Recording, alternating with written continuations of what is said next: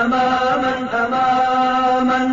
جنود الفداء أعدوا الشباب ليوم النداء. أعيدوا أعيدوا أعيدوا. إلى الحق سلطانه. ودكوا معاقل جند العداء فنحن جنود لنا غاية. إلى الله كنا لنشر الهدى وأنا على الحق نمشي به جنودا لقدواتنا المفتدى فنحن جنود لنا غاية إلى الله 17. soru. Tevhidin çeşitlerini açıklar mısınız? Tevhid üç çeşittir. Müslüman mutlaka bu üç çeşidi ezberlemek ve manalarını bilmek zorundadır. Tevhidi ve çeşitlerini bilmeyenler ve manalarının ne olduğu hakkında araştırmayanlar hüsrana uğrarlar. 1. Rububiyet tevhidi 2. Uluhiyet tevhidi 3. İsim ve sıfatlar tevhidi 18. soru Rububiyet tevhidi ne demektir? Allah'ı bütün fiillerinde yaratma, öldürme, kainatı düzenleme, yağmurları yağdırma, yok etme gibi hususlarda tek hak sahibi olarak Allah'ı birlemektir. Allah alemi düzenleyen, terbiye eden, nizamını belirleyen, insana hakim bir Rab'dir. Mekke'de müşrikler Allah'ın Rab olduğunu kabullenirler fakat emirlerine uymazlar, putlarını Allah'a ibadette ortak koşarak müşrik olurlar, kafirlerden sayılırlardı. Birinci delil, Elhamdülillahi Rabbil Alemin. Hamd alemlerin Rabbi Allah'a mahsustur. Fatiha 2. Delil cümlemiz, Rabbi Allah'a Açıklama, ayette Allah'ın alemlerin, insanın, her şeyin terbiye edeni, düzenleyeni, nizam belirleyen olduğuna delil bulunmaktadır. İkinci delil. وَلَاِنْ سَأَنْتَهُمْ مَنْ خَلَقَ السَّمَاوَاتِ وَالْأَرْضِ لَيَقُولُنَّ اللّٰهِ Andolsun onlara göklerle yeri kim yarattı diye sorsan onlar elbette Allah diyeceklerdir. Lokman 25. ayeti kerime. Ayetin tümü delil cümlemizdir. Açıklama. Allah ayetinde gökleri ve yeri yaratanın kim olduğunu onlara söylesen ya Muhammed sallallahu aleyhi ve sellem.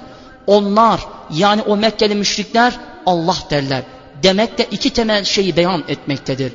Mekkeli müşrikler bir, yaratanın Allah olduğuna inanırlardı.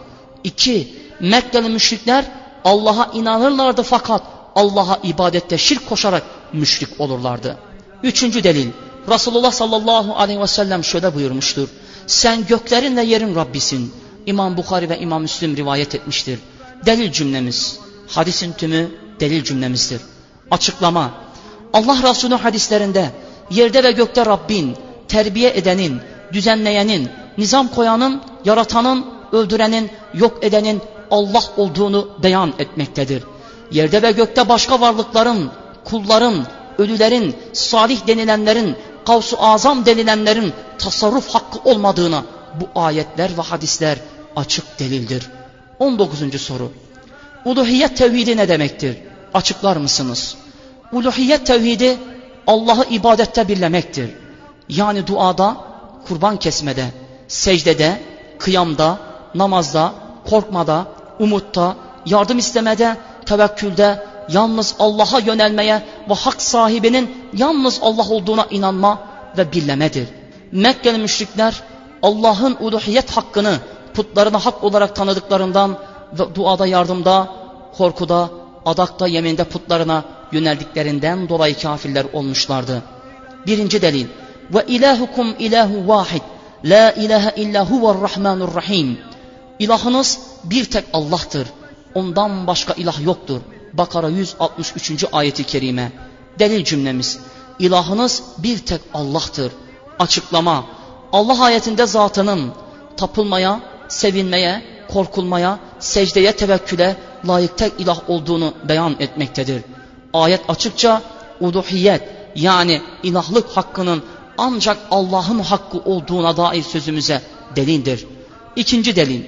Resulullah sallallahu aleyhi ve sellem insanları kendisine ilk davet edeceğin şey Allah'tan başka ilah olmadığına şehadet etmeleri olsun buyurmuştur. İmam Bukhari ve İmam Müslim rivayet etmişlerdir. Delil cümlemiz Allah'tan başka ilah olmadığına şehadet etmeleri olsun. Açıklama Allah Resulü sallallahu aleyhi ve sellem Allah'ın tek ilah olduğunu veya ilahlık hakkının yalnız Allah hakkı olduğunu beyan eder. Ayrıca hadiste Müslümanın ilkin davette insanlara La ilahe illallah'ı öğretmesi gerektiğine delil vardır. 20. soru.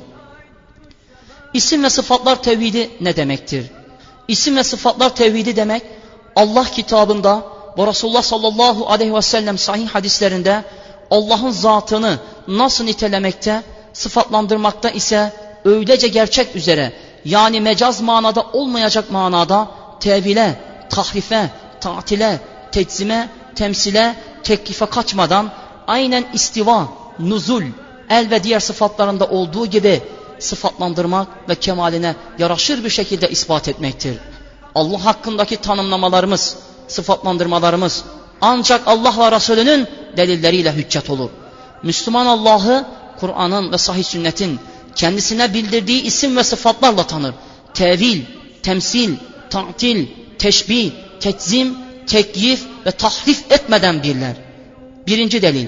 Leyse kemislihi şey'un ve huves semi'ul basir. Onun benzeri hiçbir şey yoktur ve o her şeyi işitendir, görendir. Şura 11. ayeti kerime. Delil cümlemiz. Ayetin tümü delil cümlemizdir. Açıklama. Allah ayetinde ilk bölümde zatına yaraşmayan tüm isim ve sıfatları nefyeder. Allah zatı hakkında uyuklamayı, gaflete düşmeyi, zayıflığı, kudretsizliği, cahilliği reddeder.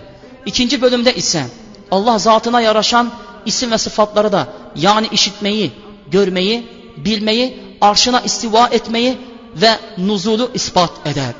İkinci delil. Resulullah sallallahu aleyhi ve sellem Allahu Teala her gece dünya göğüne iner buyurmuştur. Ahmet bin Hanbel rivayet etmiştir. Delil cümlemiz iner. Açıklama. Bu hadis Allah'ın dünya göğüne gecenin bir bölümü geçince inerek kullarının duasını ister hadisidir. Allah gökten dünya göğüne iner. Allah Resulü böyle demektedir. Allah Resulü diyorsa inanmak farzdır. Allah Resulü'nün bu hadisi Allah'ın gökte olduğuna ve tahtına istiva ettiğine kurulduğuna delildir. Allah'ın inmesine gelince yedi yola kaçmadan inmesi zatına yaraşır bir şekilde gerçek manadadır. Yani inmesi mecaz manada değildir. Yani meleklerinin ve rahmetinin inmesi demek değildir. Bizler Allah'ın celaline layık olarak indiğine inanırız, hakkında soru sormayız. 21. soru. Onun benzeri hiçbir şey yoktur ve o her şeyi işitendir, görendir. Şura 11. ayetini açıklar mısınız? Ayet-i kerimede iki temel esas beyan edilmektedir. Birinci temel esas, onun benzeri hiçbir şey yoktur ayetinde beyan edilmiştir. Bu ayette Allah, zatına layık olmayan tüm isim ve sıfatları nefyetmiştir. Allah, benzeri yoktur demekle zatına yakışmayan her isim ve sıfatları reddetmiştir. İkinci temel esas, her şeyi işitendir, görendir ayetinde beyan edilmiştir. Bu ayette Allah, zatına layık isim ve sıfatlar olan işitme ve görmeyi layık görerek ispat etmiştir. O halde Allah'ın zatına layık olan isimler ve sıfatlar olduğunu ve olmadığını öğrenmiş olduk. 22. soru. Allah nerededir? Allah tahtı arşının üstünde olup tahtı arşı da semanın üzerindedir.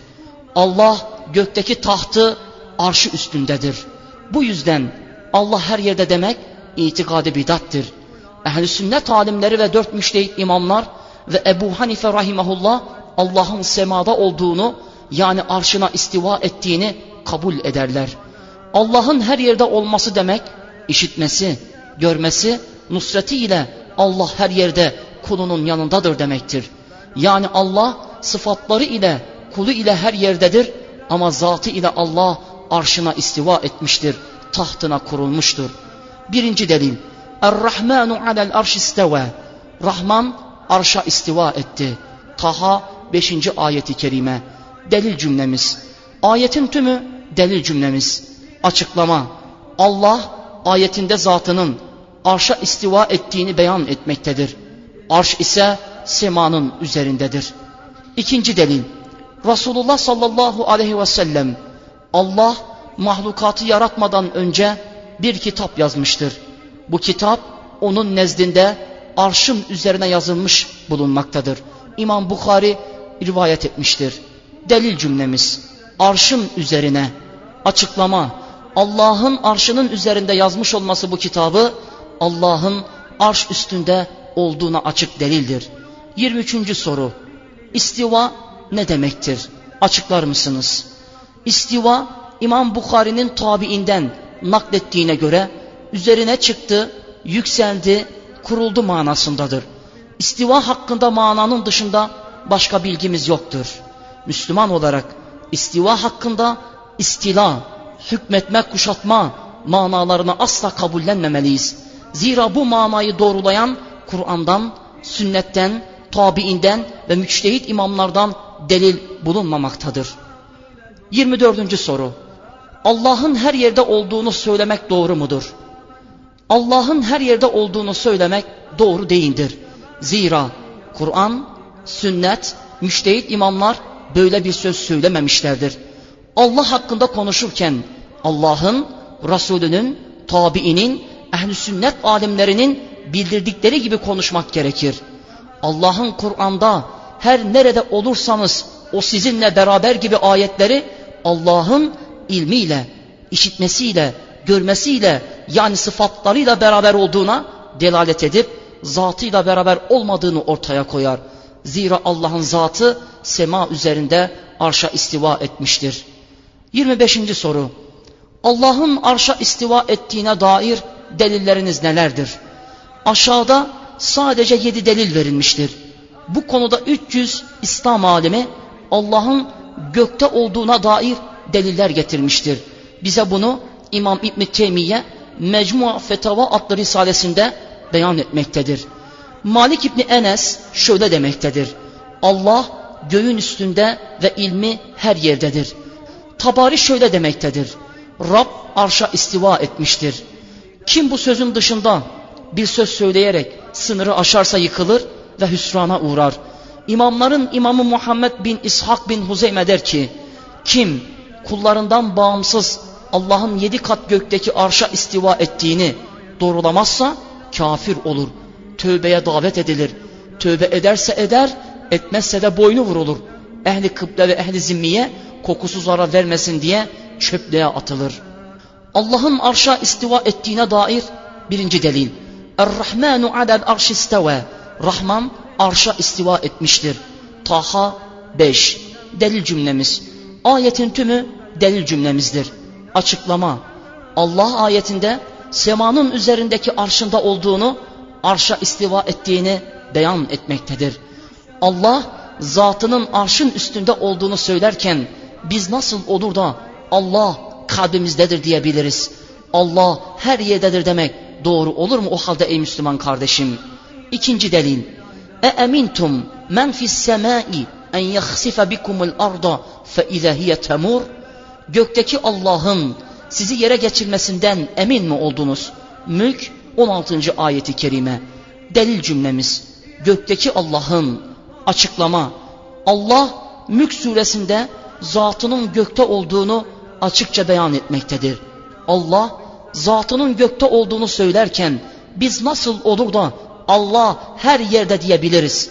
Allah mı doğru söyler yoksa hiçbir delilimiz olmadan aklımızın söyledikleri mi? Üçüncü delil. Resulullah sallallahu aleyhi ve sellem şöyle buyururlar. Allah her gece dünya semasına iner. Ahmet bin Hanbel hadis sahihtir. Delil cümlemiz. Hadisin tümü delil cümlemizdir. Açıklama. Resulullah sallallahu aleyhi ve sellem Allah'ın gecenin bir bölümü geçince gök semasından dünya semasına indiğini, ehl sünnet alimleri bu inmenin de zatı ile olduğunu söylemektedirler. Dördüncü delil, Resulullah sallallahu aleyhi ve sellemin huzuruna bir cariye getirildi. Resulullah sallallahu aleyhi ve sellem ona Allah nerede dedi. Cariye işaret parmağını göğe kaldırarak Allah semanın üzerindedir dedi. Sonra Resulullah sallallahu aleyhi ve sellem cariyeye ben kimim dedi. Cariye sen Allah Resulüsün dedi. Resulullah sallallahu aleyhi ve sellem onu azat edin. O mümine biridir dedi. Müslüm ve diğer sünen kaynaklarımız rivayet etmiştir. Delil cümlemiz Allah semadadır. Açıklama Resulullah sallallahu aleyhi ve sellem açıkça cariyenin Allah semanın üzerindedir sözünü reddetmeyip doğrulamış ve cariye hakkında o mümine biridir demiştir. Beşinci delil. Zeynep annemizin Resulullah'ın zevcelerine övünerek söylediği şu söz de ayrıca bir delildir. Sizi hısımlarınız, beni de yedi kat gökteki Allah evlendirdi. İmam Bukhari rivayet etmiştir. Delil cümlemiz yedi kat gökteki Allah açıklama. Resulullah'ın zevcesi açık bir dille Allah'ın yedi kat gökte olduğunu beyan etmektedir. Mülk suresi 16. ayeti kerime, Fatır suresi 10. ayeti kerime, Ali İmran suresi 55. ayeti kerime, Nisa suresi 158. ayeti kerime, Nahl suresi 50. ayeti kerime, Me'ariç suresi 4. ayeti kerime, Bakara suresi 255. ayeti kerimeyi Allah'ın arşa istiva ettiğine dair deliller olarak lütfen okur musunuz? Altıncı delil, İmam Ebu Hanife rahimahullah şöyle demektedir. Her kim Rabbim gökte midir bilmiyorum derse kafir olmuştur. Aynı şekilde o arşının üzerindedir. Fakat arş gökte midir, yerde midir bilmiyorum derse kafir olmuştur. Fıkhul Ekber sayfa 46. Yedinci delil Ebu Hanife rahimahullah şöyle söylemektedir. Allah arşına keyfiyeti bilinmeksizin istiva etmiştir.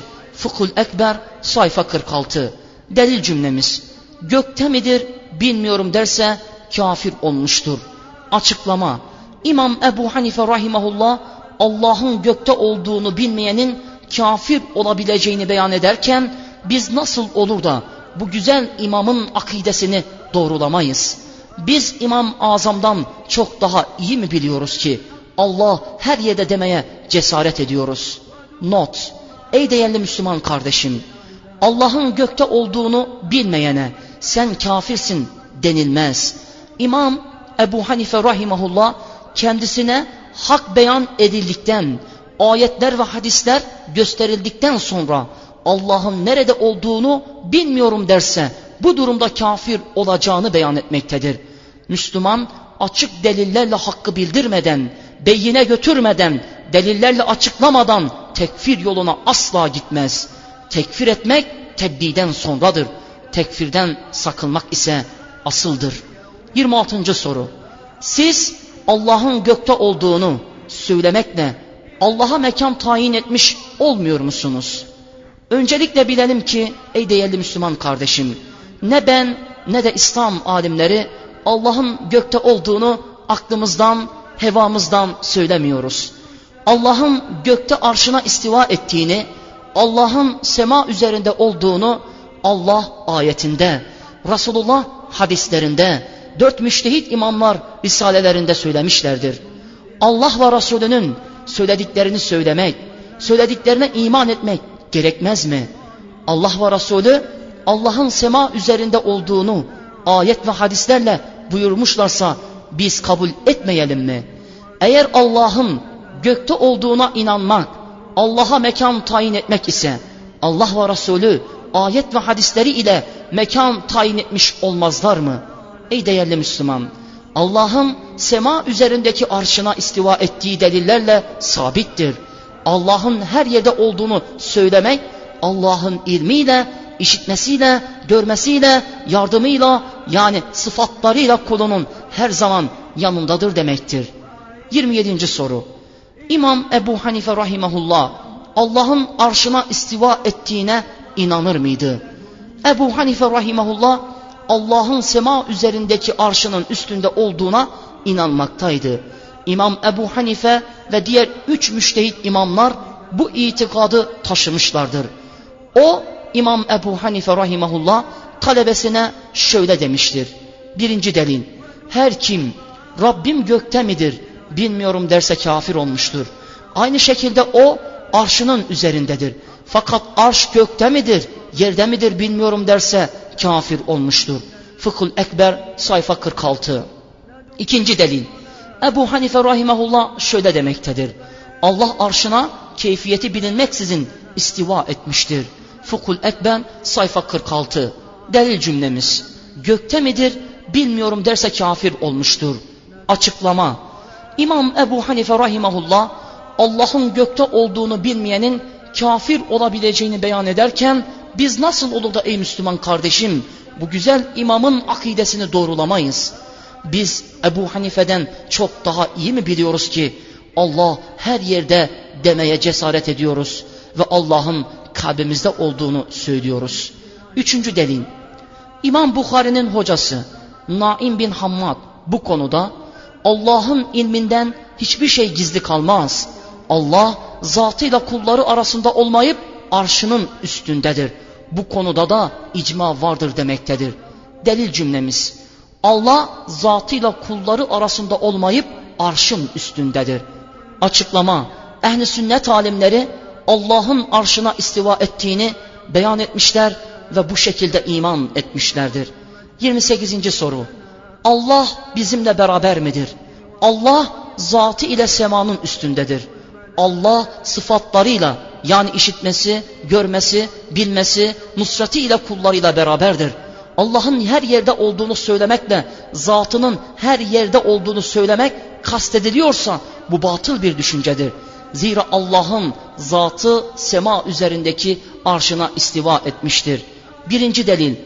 قَالَ لَا تَخَافَ اِنَّنِي مَعَكُمَا أَسْمَعُ وَاَرَى Allah buyurdu ki ikiniz korkmayın çünkü ben sizinle beraberim işitir ve görürüm. Taha 46. ayeti kerime. Delil cümlemiz. Ben sizinle beraberim işitir ve görürüm. Açıklama. Allah ben sizinle beraberim buyururken ben sizinle işitmemle, görmemle beraberim buyurmaktadır.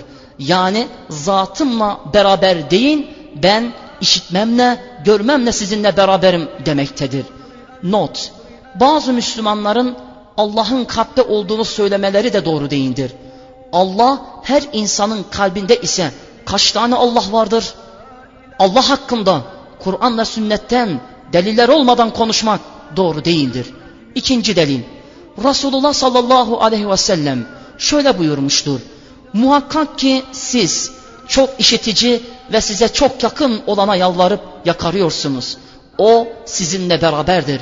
İmam Müslim rivayet etmiştir. Delil cümlemiz. O sizinle beraberdir. Açıklama. Resulullah sallallahu aleyhi ve sellem Allah'ın zatı ile kulları ile beraber olduğuna değil, işitme ve görmesiyle kullarıyla beraber olduğunu beyan etmektedir. 29. soru. Tevhidi öğrenip yaşamanın faydası nedir? Tevhidi öğrenip yaşamak üç güzellik kazandırır. Bir, Müslümanı ebedi ahiret azabından emin kılar. Yani tevhid ehli ebediyen azapta kalmayacaktır. İki, Müslümanın hidayet ehli olmasını sağlar. Yani tevhid ehli hidayete ulaşmış bir Müslümandır. Üç, Müslümanın günahlarının bağışlanmasını sağlar.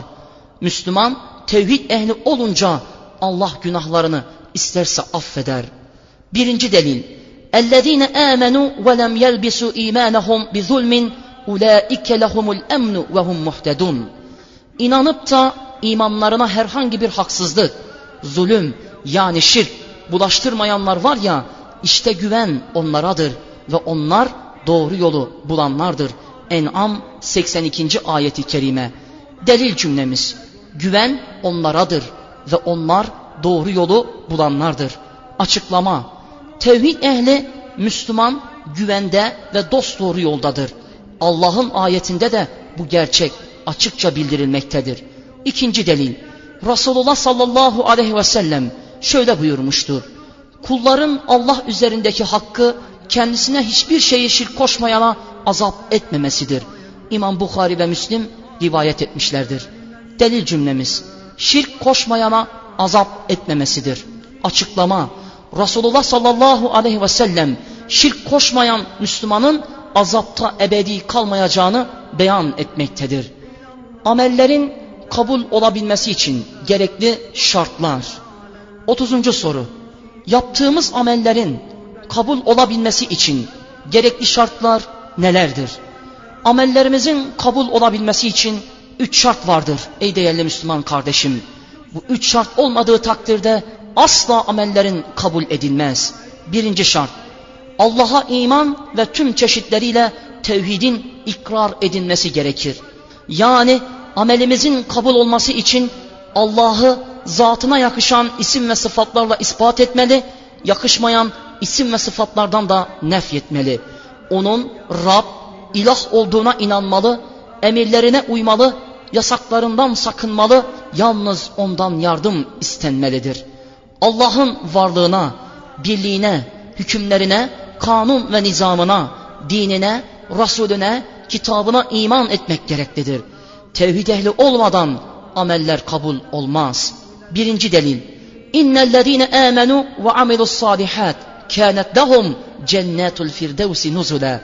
İman edip iyi davranışlarda bulunanlara gelince onlar için makam olarak Firdevs cennetleri vardır. Kehf 107. ayeti kerime. Delil cümlemiz iman edip açıklama Allah ayetinde iman eden Müslümanlar için Firdevs cennetleri olduğunu buyurmakla amelin kabul olması için imanın gerekliliğini beyan etmiş olmaktadır. Cennet yani mükafat yurdu ancak Allah'a iman edenlerindir. Allah'a iman etmek de Allah'ı rububiyetinde, uluhiyetinde, isim ve sıfatları hususunda birlemek demektir. İkinci delil. Resulullah sallallahu aleyhi ve sellem şöyle buyurmuştur. Allah'a iman ettim de sonra istikamet sahibi ol. İmam Müslim rivayet etmişlerdir. Delil cümlemiz. Allah'a iman ettim de açıklama. Resulullah sallallahu aleyhi ve sellem hadislerinde Allah'a iman etmenin gerekliliğini beyan etmektedir. Müslüman dosdoğru tevhid, sünnet yolunu elde edebilmesi için öncelikle iman etmeli ve sonra o tertemiz iman ve salih amel yolunu elde etmelidir. İstikamet, Kur'an ve sünnetin emrettiği gibi yaşamak ve davet etmekle elde edilir. İkinci şart, ihlas yani samimiyet. İhlas, amellerimizi Allah için yaparak, hiçbir riyakarlığa kaçmadan amel etmektir. Amellerde ihlas olmadan o amelin Allah katında mükafatını beklemek cahilliktir. Birinci delil, fedullaha muhlesine lehuddin. Allah'a Allah için dindar ve ihlaslı olarak dua edin.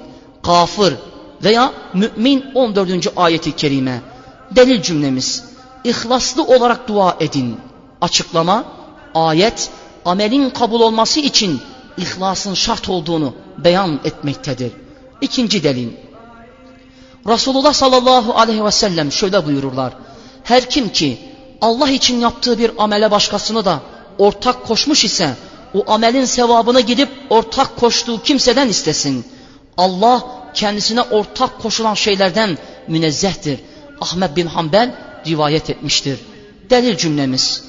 Bir amele başkasını da ortak koşmuş ise o amelin sevabını gidip ortak koştuğu kimseden istesin. Açıklama. Resulullah sallallahu aleyhi ve sellem amellerin Allah için olmadığı takdirde Allah katında makbul olmadığını, amel kimin için yapılıyorsa o amelin sevabını da o kimseden istenmesi gerektiğini açıkça beyan etmektedir. Üçüncü şart, Kur'an ve sünnetin getirdiklerine uygun olması gerekir. Yani yapılan amel veya söylenen söz mutlaka Kur'an ve sahih sünnete uygun olması gereklidir. Aksi halde o amel kabul edilmez. Yani namazlarda, secdelerde, kıyamda, rükuda, abdest almada, kurban kesmede, duada, ezan okunurken, haçta, oruçta yaptığımız amellerimiz mutlaka Allah Resulünden gelen bir delile dayanması gereklidir. Sen ey kardeşim namazda yaptıklarının doğruluğunu Resulullah'ın sahih sünnetine dayandırıyor musun? Sen hangi fiilini sünnetle delillendirebilirsin? Sen niçin ellerini kulak hizasına kaldırıyorsun? Sen secdede ne diyorsun ve niçin böyle diyorsun? Söylediklerini ve yaptıklarını büyüklerinden mi aldın, Allah Resulünden mi? Aldıklarının sünnete uygunluğunu neye göre doğru olarak kabul ettin? Maalesef günümüz Müslümanı amellerinin delilini toplumdan, atadan, büyüklerden alarak yaşadığından birçok bidatler içine düşmüştür. Amellerimiz sünnete uymadan, amellerimiz sünnete uymadan, amellerimiz sünnete uymadan kabul edilmez ey kardeşim.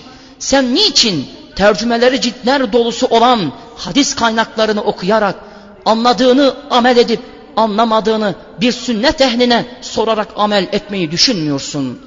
Allah Resulü'nün sözlerinde bir noksanlık mı var ki o hadis kaynaklarını hiç düşünmüyor, başka kitaplara yönelerek sahih sünnete uzak yaşıyorsun. İslam ümmeti Resulullah'ı yeniden gündemine almak zorundadır. İslam ümmeti amellerini sahih sünnete dayandırmak zorundadır. İslam ümmeti yeniden dirilişini ancak Resulullah'ın çizdiği sahih sünnetleri bizzat kendi gözüyle, bizzat kendi gözüyle okuyarak gerçekleştirecektir. Aksi takdirde büyüklerden böyle duyduk gibi basit ve kolaycı mantıktan uzaklaşamayacak ve ölü bir ümmet konumunun esaret zincirini, esaret zincirini asla kıramayacaktır. Birinci delil. وَمَا آتَاكُمُ الرَّسُولُ فَخُذُوهُ وَمَا نَهَاكُمْ عَنْهُ فَانْتَهُوا Fettakullaha innallaha şedidul ikab. Peygamber size ne verdiyse onu alın. Size de ne yasakladıysa ondan da sakının. Haşır 7. ayeti kerime. Delil cümlemiz. Ayetin tümü delil cümlemizdir. Açıklama. Allah Resulüne itaat farz olduğuna göre sünnete itaat, sünneti yaşamak, sünneti yerine getirmek de öylece farz olmaktadır. Ameller sünnete uymadan Allah rızası kazanılmaz.'' İslam ümmeti yüzyıllardır sünneti yaparsam sevap alırım, yapmazsam günah kazanmam düşüncesiyle delile dayanmayan, hücceti bulunmayan bir pasif düşünceyle uyutulmuştur. Ümmet Resulünün emrettiklerine yaparsam sevap, yapmazsam günah almam mantığıyla cehalete ve zillete sürüklenmiştir. Bu sebeple sünnet ehli azalmış, bidat ehli ise çığ gibi büyümüştür. Ümmeti yeniden silkindirecek yol, Kur'an ve sahih sünnetle amel etmekten ve ona davet etmekten geçmektedir. Ayet Allah Resulü'nün verdiklerine ve yasakladıklarına itaatın farz olduğunu çok açık bir şekilde beyan etmektedir. İkinci delil. Resulullah sallallahu aleyhi ve sellem şöyle buyurmuştur. Her kim bizim emrimize uygun olmayan bir iş yaparsa o yaptığı iş reddedilmiştir. Yani kabul görmez. İmam Müslim rivayet etmiştir. Delil cümlemiz. Hadisin tümü delil cümlemizdir. Açıklama. Her kim Resulullah'ın sünnetine uygun bir amel veya söz etmezse o amel kesinlikle kabul edilmeyecektir. Ameller ancak sünnete uygun olursa kabul olur. Ey kardeşim sen amellerinin hangisinin delilini biliyor ve delille amel ediyorsun? Yoksa sen de mi atadan, babadan, büyüklerden görerek amel edenlerdensin? Ey değerli kardeşim din tamamlanmıştır. Dini tamamlayan Kur'an ve sahih sünnettir. Nasıl olur da Allah Resulü bana dinimle yani namazımla, orucumla, kıyamımla, abdest almamla alakalı yapmam gerekenleri öğretmeden gidebilir. Allah Resulü Ebu Zer'e gökte uçan kuşlar hakkında bilgi verirken ona yapması gerekenleri öğretmeden mi vefat etmiştir? Nasıl olur da bir Resul ümmetine dinini eksik bırakabilir? Bu mümkün mü? Resulullah bizim yapmamız gerekenlerin tümünü beyan etmiştir. O halde buyurun sünnetleri detaylarıyla açıklayan hadis kaynaklarının okunmasına değerli kardeşlerim. 31. soru. La ilahe illallah lafzının anlamını açıklar mısınız? Allah'tan başka hak olarak tapılacak, sevilecek, hükmüne uyulacak, ibadet edilecek, itaat edilecek ilah yoktur demektir. İlah sevgi ve zillet içerisinde mabut olunan zattır ki o da Allah'tır. Müslümanın tapması, sevmesi, itaat etmesi, ibadet etmesi gereken tek bir ilah vardır. O da Allah'tır. Değerli kardeşlerim, maalesef günümüz Müslümanı bu güzel kelimeyi diliyle söyleyememekte, manasını bilmemekte, o kelimeye uygun amel etmemektedir. Bu kelime tağutun veya yeryüzünde kendini ilah görenlere la demekle ortaya konur. Sonra da Allah'ın hak olarak tapılmaya layık ilah olduğu ikrar edilerek, iman edilerek söylenilir. Bu kelimeyle ben bir söz veririm ve şöyle derim. Allah benim tapmaya, emrine uymaya, hükümlerine itaat etmeye layık ilahımdır. Ey Müslüman! Bu kelime uğruna Resulullah sallallahu aleyhi ve sellem ve ashabı ve onların izleyicileri hayatlarını feda ederek İslam'ın izzetini korudular. Birinci delil. ذَٰلِكَ بِأَنَّ اللّٰهَ هُوَ الْحَقِّ وَاَنَّ مَا يَدْعُونَ مِنْ دُونِهِ هُوَ الْبَاطِلِ Böyledir. Çünkü Allah hakkın ta kendisidir. Onun dışındaki taptıkları ise batılın ta kendisidir. Haç 62. ayeti kerime. Delil cümlemiz. Allah hakkın ta kendisidir. Onun dışındaki taptıkları ise batılın ta kendisidir. Açıklama. Ayette la ilahe illallah lafzının beyanı açıktır. Allah dışındakiler tapılanlar, itaata layık görülenler batıldır. Allah ise haktır, hak mabuttur. O Allah ibadete layık tek hak sahibi olup dışındakiler de batıldır ey Müslüman kardeşim. İkinci delil. Resulullah sallallahu aleyhi ve sellem şöyle buyurmuştur.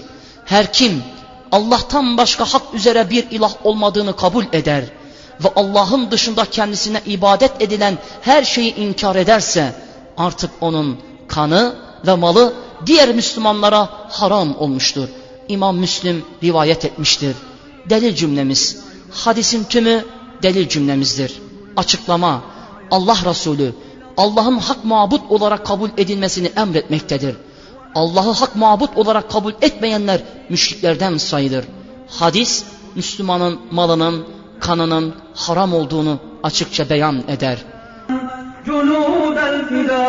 أعدوا الشباب ليوم النداء أعيدوا أعيدوا أعيدوا إلى الحق سلطانه ودكوا معاقل جند العداء فنحن جنود لنا غاية إلى الله قمنا لنشر الهدى.